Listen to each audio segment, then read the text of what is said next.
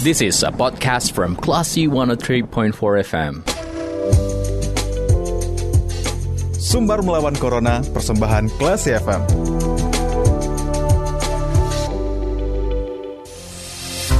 Penutup info Kelas FM, this is the actual radio. Kelas People saat ini mencermati sumber melawan Corona persembahan radio Kelas FM bersama saya Dita Indira. Dan Kelas People, persyaratan perjalanan sekarang tidak perlu lagi menyertakan tes rapid antigen atau PCR, bahkan MUI juga sudah memperbolehkan sholat berjamaah dengan tidak jaga jarak. Lalu bagaimana kita menyikapi agar tidak terpapar COVID-19? Kita akan berdiskusi bersama dengan Wakil Ketua Penanggulangan COVID-19 ada Dr. Dedi Herman. Kita sapa dulu. Assalamualaikum Dr. Dedi. Waalaikumsalam warahmatullahi wabarakatuh Mbak Dita. Uh, Assalamualaikum juga buat seluruh pemirsa uh, dari Klasi FM. Mudah-mudahan kita diselamatkan oleh Allah. Mudah-mudahan juga pandemi COVID ini bisa berakhir dengan lebih cepat sehingga kita bisa uh, beraktivitas secara normal lagi ya Mbak Dita ya. Mm -mm. Amin. Itu harapan kita bersama ya dok ya. Iya. Baik. Dan um, sebelum kita menanyakan terkait dengan bagaimana cara kita menyikapi agar tidak terpapar COVID gitu ya dok. Sebelumnya kami mau menanyakan juga bagaimana perkembangan pasien COVID di Bukit Tinggi khususnya di RSAM dok. Uh, di Rumah Sakit Ahmad Mukhtar Bukit Tinggi sebetulnya sudah kasus, tapi penurunan kasus itu tidak uh, bahwa sebelumnya ada sekitar apa kemudian sekarang uh, per hari ini sudah setinggal pasien artinya ada penurunan sekitar enam pasien namun kita, tidak tahu ini apakah akan bertambah kembali namun di rumah sakit yang lain pasien covid itu masih ada jadi hmm. arti bahwa uh, kasus kita itu masih uh, cukup besar seperti itu Mbak Rita. Mm uh, yang dibandingkan dengan yang di Jakarta bahwa penurunan kasus sudah terlihat jelas. Sekitar satu bulan yang lalu kasus masih di kisaran sekitar enam ribuan mm -hmm. di Wisma Atlet. Uh, per hari ini tinggal sekitar dua ribuan yang kita rawat di Wisma Atlet uh, dan cenderung ke arah turun ya. Artinya untuk di Jakarta uh, dan sekitarnya artinya sudah tren bahwa terjadi penurunan kasus seperti itu. Uh, hal ini mungkin disebabkan pertama sudah banyak yang divaksinasi hmm. sehingga uh, kasusnya pun juga ada, namun banyak gejalanya hanya ringan sehingga banyak yang dilakukan itu adalah isolasi mandiri di rumah seperti itu Mbak Rita. Okay. Dan untuk di uh, Bukit Tinggi dan sekitarnya pun terus terang itu sebetulnya banyak pasien yang masuk ke IGD dengan hasil rapid antigen positif namun uh, karena gejalanya tidak berat, sebagian besar adalah minta isolasi mandiri di rumah. Artinya bukan dia ber, berkurang, mm-hmm. tapi masih tetap banyak untuk daerah Sumatera Barat. Uh, kenapa? Karena sebetulnya uh, tren ini sudah ada sejak tahun 2020. Di Jakarta naik uh, kasusnya, nanti puncaknya Jakarta sudah naik, kemudian uh, turun. Uh, biasanya daerah tuh dua bulan setelah Jakarta itu mulai turun dia, kita daerah baru naik. Artinya kita akan masih menunggu nanti sekitar satu bulan dua bulan sehingga uh, kasusnya pun akan turun atau melandai seperti itu Mbak Rita. Oke baik dokter. Dan saat ini kan pemerintah menyatakan kasus COVID menurun ya dok ya dan keluarnya SE untuk bepergian um, seperti ditiadakan syarat uh, menunjukkan hasil tes rapid antigen dan PCR ini bagaimana komentar dokter? Uh, pertama begini, jadi uh, mungkin pertimbangan-pertimbangannya begini bahwa terus terang jumlah capaian cakupan uh, untuk uh, vaksinasi COVID kita sudah cukup besar. Mm. Saja untuk Sumatera Barat untuk orang tua lu sudah lebih dari 70 persen. Untuk uh, uh, apa orang yang uh, aktivitasnya normal seperti orang yang biasa uh, orang pekerja ya kantoran ataupun uh, pekerja uh, kesehatan ataupun masyarakat umum itu juga sudah melebihi 70 persen. Kemudian untuk anak sekolah pun sudah uh, mendekati 70 persen walaupun tidak setinggi dari orang tua atau orang umum biasa. Artinya bahwa pemerintah mungkin beranggapan bahwa herd immunity mungkin sudah uh, terjadi, uh, bukan hanya melalui uh, vaksinasi, juga termasuk melalui kemungkinan kontak dengan pasien-pasien uh, COVID atau terkena COVID. Sebetulnya mungkin banyak sekali yang sudah terkena COVID tapi tidak dilaporkan sehingga sebetulnya sebagian besar kita mungkin saya pun Mbak Dita pun sudah terkena tapi tidak bergejala seperti itu. Mm-hmm. Artinya yang diperkirakan ini sudah terjadi herd immunity. Kemudian hal ini mungkin juga di di apa uh, diambil keputusan juga berhubungan dengan uh, tren di rumah sakit masing-masing yang ada di Jakarta di daerah bahwa kejadian kasusnya tidak sama seperti yang tahun 2020 saat varian Delta atau 2021 saat varian Delta varian Delta 2001 atau varian-varian sebelumnya hmm. dengan kasus yang sangat tinggi. Dan sekarang kasusnya ada banyak, tapi dengan gejala yang uh, tidak seberat uh, waktu varian Delta, dengan angka kematian yang tidak uh, setinggi waktu varian Delta. Uh, kondisinya kondisinya. Namun uh, kondisi walaupun tidak tinggi uh, apa uh, tidak uh, berat ya, mm-hmm. namun pada orang-orang yang belum divaksin kondisi infeksi ini bisa menjadi berat, ya, bisa menjadi berat. Artinya bahwa uh, menjadi berat uh, akibatnya adalah uh, kalau kalau varian delta itu dalam waktu sebentar mem membunuh orang cepat, uh, tapi karena jumlah karena penularan dari varian delta itu tidak secepat si varian omikron, mm -hmm. si varian delta jumlah kematiannya jauh lebih rendah dibandingkan si varian uh, omikron. Varian delta ya lebih rendah daripada omikron. Itu kejadian yang dia di Amerika ataupun di Inggris, ya.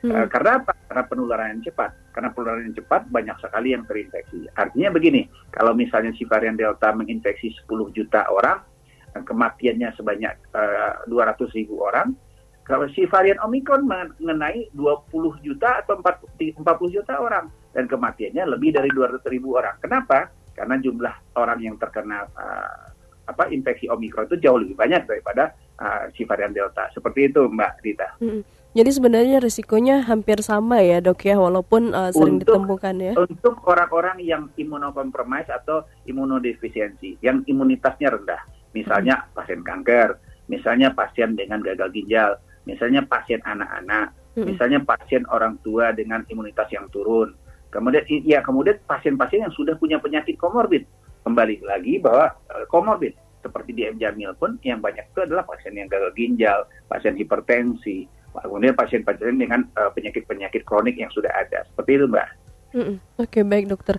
Dan terakhir dok, uh, melihat uh, pemerintah juga MUI ya sudah membolehkan sholat uh, tidak mesti jaga jarak dan saat ini kita akan memasuki bulan Ramadan juga beberapa waktu lagi gitu ya dok ya. Uh, bagaimana yeah. semestinya masyarakat menyikapi agar tetap sehat dengan um, kondisi saat ini dok? Uh, yang pertama tetap saja bahwa uh, pemerintah tidak mewajibkan untuk uh, pemeriksaan rapid antigen ataupun PCR, tapi bagi orang-orang yang sudah divaksin ya dua kali ya Mbak Adita ya bukan mm. bukan bukan yang tidak divaksin. Mm. Artinya yang tidak divaksin tetap harus melakukan pemeriksaan. Uh, pertama surat bahwa mungkin uh, orangnya tidak bisa divaksin karena ada penyakit-penyakit tertentu. Mm. Harus ditambah ditunjang dengan pemeriksaan PCR atau pemeriksaan uh, rapid antigen. Tapi uh, biasanya kalau tidak divaksin itu harus dengan pemeriksaan PCR bahwa dia benar-benar tidak uh, dalam kondisi terinfeksi oleh COVID-19. Artinya bahwa PCR masih akan tetap ada selagi orang itu tidak divaksin. Hmm. Makanya kalau dia akan bisa berangkat tanpa PCR atau tanpa rapid antigen tentu dia harus divaksin seperti itu. Dan kita tahu juga masih banyak di masyarakat kita yang menolak vaksin ya Mbak Dita ya. Mm yeah. Masih banyak menolak vaksin yang tidak percaya dengan uh, COVID tidak percaya. Kenapa? Oh, tidak ada itu bohong saja. Namun ya uh, bagaimanapun ya ada pro dan kontra itu wajar saja. Hmm. Kita hanya berusaha sebaik-baiknya supaya tidak terjadi banyak kematian, bahwa supaya masyarakat aman. Okay. Jadi uh, jadi jadi terus terang bahwa uh, kita berharap bahwa uh, kondisi ini ya pembukaan tidak apa oleh uh, apa keluarnya uh, dari uh, dari menteri ini tidak perlu rapid lagi, tidak perlu PCR lagi pada yang sudah vaksin, ini akan memberi keuntungan yang luar biasa pada orang-orang yang sudah divaksin. Ya berita mm-hmm. tidak bisa bepergian tanpa uh, perlu PCR atau rapid antigen. Namun tetap saja pemerintah ada yang mengingatkan, ada kutipannya wajib melakukan protokol kesehatan, mm-hmm. tetap menjaga jarak, tetap menggunakan masker, tetap mencuci tangan, hindari kerumunan, dan uh, mencegah imobilisasi karena sebetulnya uh, kita sudah cukup lama ya menghadapi COVID ini. Kalau tidak kita buka kembali untuk perekonomian atau per, ataupun perjalanan, uh, nanti yang kita takutkan adalah perusahaan penerbangan pahit, akibatnya bahkan banyak yang uh, apa uh, di uh, diberhentikan. Kemudian akan banyak juga yang uh, menjadi kesusahan orang dalam kehidupan perekonomian sehari-hari. Sehingga hmm. banyak pertimbangan oleh pemerintah untuk uh, mengambil keputusan ini di samping karena cakupan vaksin sudah tercapai. Namun tetap saja protokol kesehatan harus dilakukan. Dan bagi orang-orang yang belum divaksin, tetap saja bahwa mereka harus melakukan vaksinasi dulu sebanyak dua kali untuk bisa uh, pergi uh, menggunakan pesawat. Dan yang lain adalah tetap saja di airport akan ada nanti pemindai untuk uh, berapa suhu seseorang melihat siap ada masih ada yang sakit enggak. Itu terus terang saya kalau ya sakit tentu tidak bisa berangkat. Nah, yang ditakutkan nanti kalau misal mereka terinfeksi COVID, naik di pesawat ya bisa terinfeksi. Sama seperti pasien eh, pasien-pasien yang kita terima di Wisma Atlet banyak sekali ya yang pulang umroh itu satu satu rombongan tuh positif semua, yeah. Mbak Ya, ada okay. usianya 60 80 tahun, beberapa orang meninggal.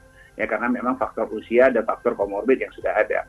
Artinya uh, bahwa uh, keputusan ini harus juga didukung dengan uh, masyarakat bahwa mereka akan melaksanakan protokol kesehatan sesuai dengan uh, anjuran pemerintah seperti itu. Okay. Dan bagi orang-orang yang tidak mau divaksin, tentu mereka harus siap-siap mengeluarkan uang untuk membayar PCR. Karena dia tahu PCR ataupun rapid antigen juga tidak murah ya, hmm. berita ya. Kalau kita berangkat 10 orang, lumayan juga uangnya. Hmm. Oke, oke nah, baik. Jadi, itu yang paling penting sekali Mbak Rita. Jadi harapan saya bahwa yang belum mau divaksin supaya mempermudah kita nanti untuk bepergian, kan tidak mungkin kita hanya di rumah terus ya, kecuali yang sudah tua, yang tidak bisa berjalan atau yang lain-lain. Uh, ya lakukanlah vaksinasi supaya uh, terbentuk uh, daya tahan tubuh dan kalau per, ter, terkena ataupun terpapar oleh COVID yang ada belakangan ini tidak akan berat kondisinya atau tidak terjadi nanti kematian atau kondisi kecacatan akibat terinfeksi COVID. Seperti itu Mbak Dita. Oke, baik. Terima kasih dokter sudah berbagi pandangan bersama kita di sore hari ini ya terkait dengan kebijakan pemerintah yang meniadakan uh, tes rapid antigen dan juga PCR serta um, uh, yang dikeluarkan oleh MUI juga ya yang membolehkan sholat tidak perlu jaga jarak untuk saat ini dan himbauan kepada masyarakat ya. Terima kasih dokter atas waktunya di sore hari ini. Ya Mbak Rita, pokoknya sholat tetap pakai prokes ya Mbak Rita ya. Siap, siap uh, dokter. Selamat melanjutkan aktivitas dokter. Assalamualaikum. Waalaikumsalam warahmatullahi wabarakatuh. Baiklah si people demikian perbincangan kita bersama dengan Wakil Penanggulangan COVID-19 ada Dr. Dedi Herman terkait dengan beberapa persyaratan perjalanan yang saat ini tidak perlu menyertakan tes rapid antigen dan PCR serta langkah apa yang mesti kita lakukan dalam menyikapinya agar tidak terpapar COVID-19. Kalau gitu saya Ditendira, kita ke program selanjutnya. Terima kasih. Anda sudah mencermati program Sumber Melawan Corona. Cermati podcast obrolan ini di www.classfm.co.id atau download aplikasi Classy FM.